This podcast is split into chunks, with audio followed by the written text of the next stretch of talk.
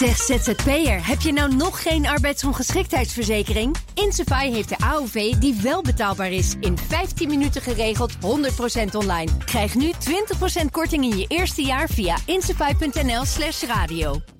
Dit is de Oekraïne Ochtend Update. Mijn naam is Geert-Jan Haan. En ik ben Bernard Hammelburg. We praten hierbij over de laatste ontwikkelingen in Oekraïne. En de gevolgen voor en de reacties van de buitenwereld. Je vindt deze podcast in je favoriete podcast-app. Een uur geleden is Oekraïne weer opgeschrikt in het hele land door uh, sirenes, luchtalarm. Daar worden weer raketaanvallen van de Russen verwacht. We gaan praten over de oorlog en ook over de woorden van Zelensky vannacht. Uh, en over de tankleveranties door Amerika en Duitsland met uh, Geert-Jan Haan, onze Europa-verslaggever en buitenlandcommentator Bernard Hammelburg. Mannen, goedemorgen. Goedemorgen. Ja, allereerst Geert-Jan, even naar jou. Je hebt het beste scope op het laatste nieuws. inderdaad, er wordt gewaarschuwd voor luchtaanvallen. Zijn er al raketten ingeslagen? Uh, niet dat ik weet, maar het gekke is dat je dus uh, via allerlei liveblogs nu kan bijhouden waar die raketten ongeveer zijn. Mm -hmm. het, is, het is vrij absurd, want ja. uh, er wordt melding gemaakt van raketten die richting het westen van de Oekraïne vliegen richting het zuiden van de Oekraïne. Uh, afgevuurd vanuit de Kaspische Zee, meldt Oekraïne. Mm -hmm. Vannacht uh, zijn er uh, zo'n 24 Iraanse drones neergehaald boven Oekraïne. En nu zijn het dus de raketten die zijn afgevuurd. Uit voorzorg is ook een aantal energiecentrales afgeschakeld. Maar wat je dus ziet, Bas, is die raketten die nemen een bepaalde richting. Die komen van heel ver. Je hebt dan ongeveer een kwartier om in een schuilkelder bijvoorbeeld te komen. Daarom gaan die alarmen af. En nu is het dus ja, heel raar, letterlijk afwachten waar die raketten inslaan, dat weet je niet. Maar je hoort dus wel vanuit de gouverneurs van de provincies dat die raketten dichterbij komen of een andere kant op gaan. Ja. Uh, en het is nu heel cru om te zeggen, maar het is gewoon afwachten. Ja, zeker. Vreselijk. Dit zou je maar gebeuren als dat boven je hoofd uh, zich ontvouwt. Uh, we gaan eventjes naar gisteravond. Volodymyr Zelensky, hè, de verlanglijst is binnen, want de tanks komen er. Daar gaan we het zo nog eventjes over hebben, over die Duitse en Amerikaanse tanks. Maar er is al veel over gezegd. maar nu komt Zelensky met het volgende deel van de verlanglijst, Bernard. En daar staat op luchtwapen.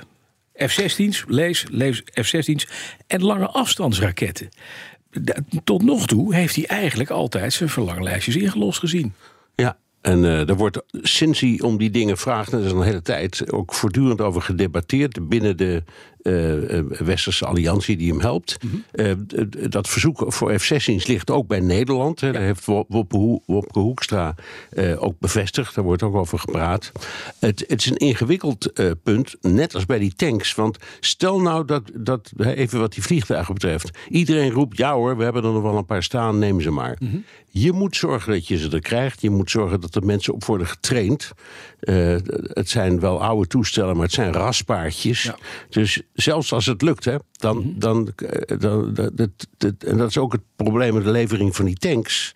Voordat die dingen er zijn en kunnen worden ingezet, is misschien dat uh, gevreesde voorjaarsoffensief bij wijze van spreken al voorbij. Ja. Dus uh, dat, dat is één punt. Het lange afstandsgeschut is iets anders. Mm -hmm. Dat loopt al heel lang. En de kans dat dat lukt lijkt mij nog steeds niet heel groot. Uh, de Amerikanen vooral hebben daar enorm bezwaar tegen. Want die zeggen als je dat doet, dan is dat bedoeld om doelen te, rijk, uh, te bereiken diep in Rusland. Ja. En dat moeten we niet doen. Dat is, dat is nodeloos, provocerend en gevaarlijk. En de vraag is wat je er bovendien mee bereikt. Dus het geschut dat ze nu hebben, dat is bijvoorbeeld die HIMARS. Die, uh, die, die schieten ver genoeg, kilometer of 80 of zo, om, om net achter de Russische linies te komen. Uh, waar de opslag ligt, waar de wapens liggen, noem maar allemaal strategische doelen. Maar om nou dingen te gaan leveren waar je bijvoorbeeld voortdurend de Krim of andere delen of, of, dieper in Rusland gaat bestoken. Mm -hmm. Ja, dat vindt, dat vindt Amerika en ik denk de rest van de Westerse alliantie niet verstandig. Ja, toch is de frame van Poetin al, dit gebeurt gewoon en uh, we worden al bedreigd.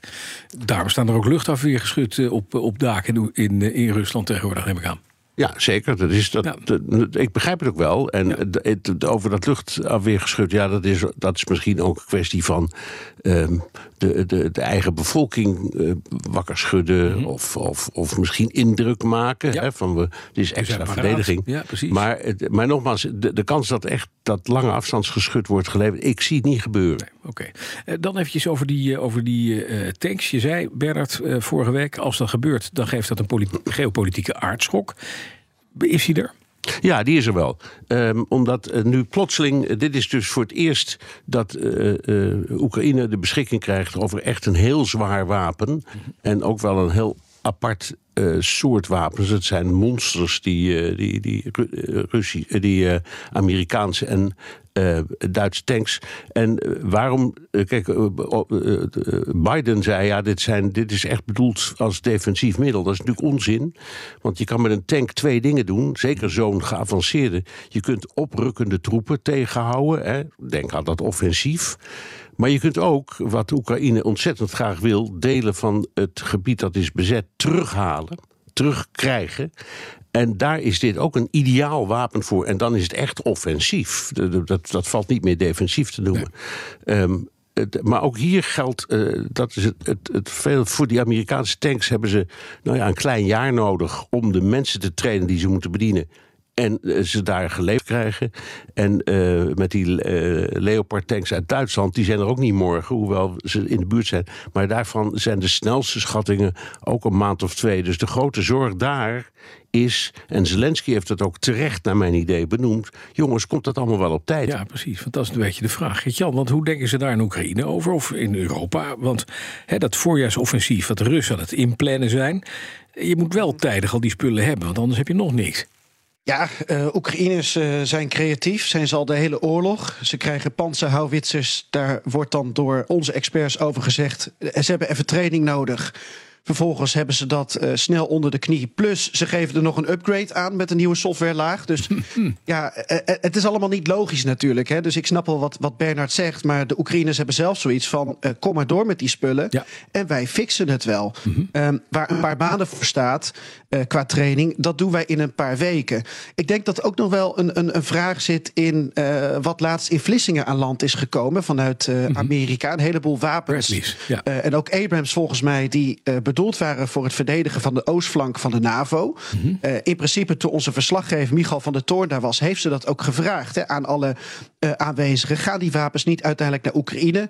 Nee, er is nu geen sprake van. Maar goed, nu moeten er Abrams naar Oekraïne, heeft Biden gezegd. Ja, en die zijn dus al in Polen. Uh, dus ik ben wel benieuwd of er toch een soort doorschuifcircus uh, gaande is. Ja, ja. Of dat kan. Uh, dat soort druk kan nu ook weer vanuit Oekraïne komen. Hè? Dat Zelensky ja. zegt, uh, Biden, schuif dat nu door, want dan hebben we ze sneller. Ja, exact. En dan is toch zijn alle na andere NATO-landen gewoon bewapend. Hetzelfde geldt voor die F-16's. Over je zou kunnen zeggen, we gaan F-16's leveren aan Oekraïners. Moeten we ze op, opleiden. Maar er zijn ook voormalige Oostbloklanden, hè? Polen, om er eentje te noemen, Tsjechië, Slowakije, die hebben MIGs uh, waar uh, de Oekraïnse vliegers op kunnen vliegen. Die zou je als NAVO-lidstaat gewoon kunnen bestukken met een F-16 onder de verbind dat zij hun MIGs naar Oekraïne sturen, toch? Ja, maar het is toch een beetje, het blijft een beetje een, een uh, redenerende cirkeltje. Want ja. ontstaat er dus bijvoorbeeld in, in zo'n Oost-Europees land waar die mis vandaan komen. Daar komen nieuwe toestellen voor in de plaats, maar daar heb die moeten weer opnieuw getraind worden. Ja, ja. Het, het, het, een type rating halen op een F-16 is echt een klus. Mm -hmm. En hetzelfde geldt ook voor die Abram tanks en ook voor die uh, Leopard tanks. Dus zelfs uh, als bij wijze van spreken, hè, dat wat Geert-Jan zegt, zegt via, via, via het Vlissingen traject en Polen ja. er al in de buurt zijn, mm -hmm. dan nog moet je zorgen dat er mensen zijn die die dingen kunnen bedienen. Ja. En een, een van de grote uh, kwesties die speelt aan de Amerikaanse kant, en dat begrijp ik ook wel, is ja, uh, we moeten er toch rekening mee houden dat uiteindelijk Oekraïne niet wint. En dan valt dit zeer uh, bijzondere wapen in handen van de Russen. Ja. Dus ze zijn ook nog aan het piekeren over stukken hardware die er misschien af kunnen voordat ze ze leveren, omdat die te geheim zijn. Mm -hmm. Dat speelt allemaal mee in ja. dit hele ingewikkelde pakket ja. van beslissingen en uitvoering. Okay. Even nog, Gert-Jan, want Rutte gaat vandaag naar Oostenrijk. En dat land staat nog wat uh, voorzichtig in de wedstrijd hè, als het gaat om uh, leveren van wapens.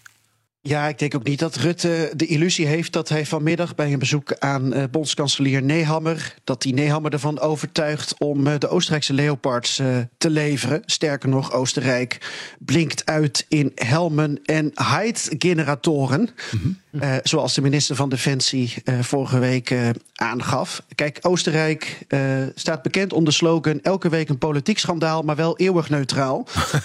en dat is gewoon zo. Ja. Oostenrijk manifesteert zich tijdens deze oorlog als: ja, we willen wel humanitaire hulp richting Oekraïne sturen. Hm. Maar verder zijn we er vooral om de communicatielijnen met Rusland open te houden. Er zit een hele geschiedenis aan vooraf. En Rutte zal dus vooral tegen Nehammer zeggen: Nou, dit is wat we qua Europese eenheid willen. Ehm, we snappen dat Oostenrijk het minimale doet. Nou, doe dan mee met het minimale. Dan hebben we in ieder geval geen, hmm. geen last van jullie qua veto. Zoals je bij Orbán wel eens ziet. En verder bezoekt hij Oostenrijk omdat hij het uh, uitgebreid wil hebben over een Europees migratieplan. En net als een eerder bezoek aan België, ja, vindt hij in, in Oostenrijk een, uh, een partner. Uh, Oostenrijk houdt ook landen hmm. tegen die lid willen worden van Schengen. Dus dat speelt allemaal mee. Dankjewel. Nou, vergeet ook niet één ding: hè. Oostenrijk is geen lid van de NAVO. Met, met nog vijf andere Europese landen. Ja, dus, dus en neutraal. Ja. Zeg ZZP'er, heb je nou nog geen arbeidsongeschiktheidsverzekering? Insafai heeft de AOV die wel betaalbaar is. In 15 minuten geregeld, 100% online. Krijg nu 20% korting in je eerste jaar via insafai.nl slash radio.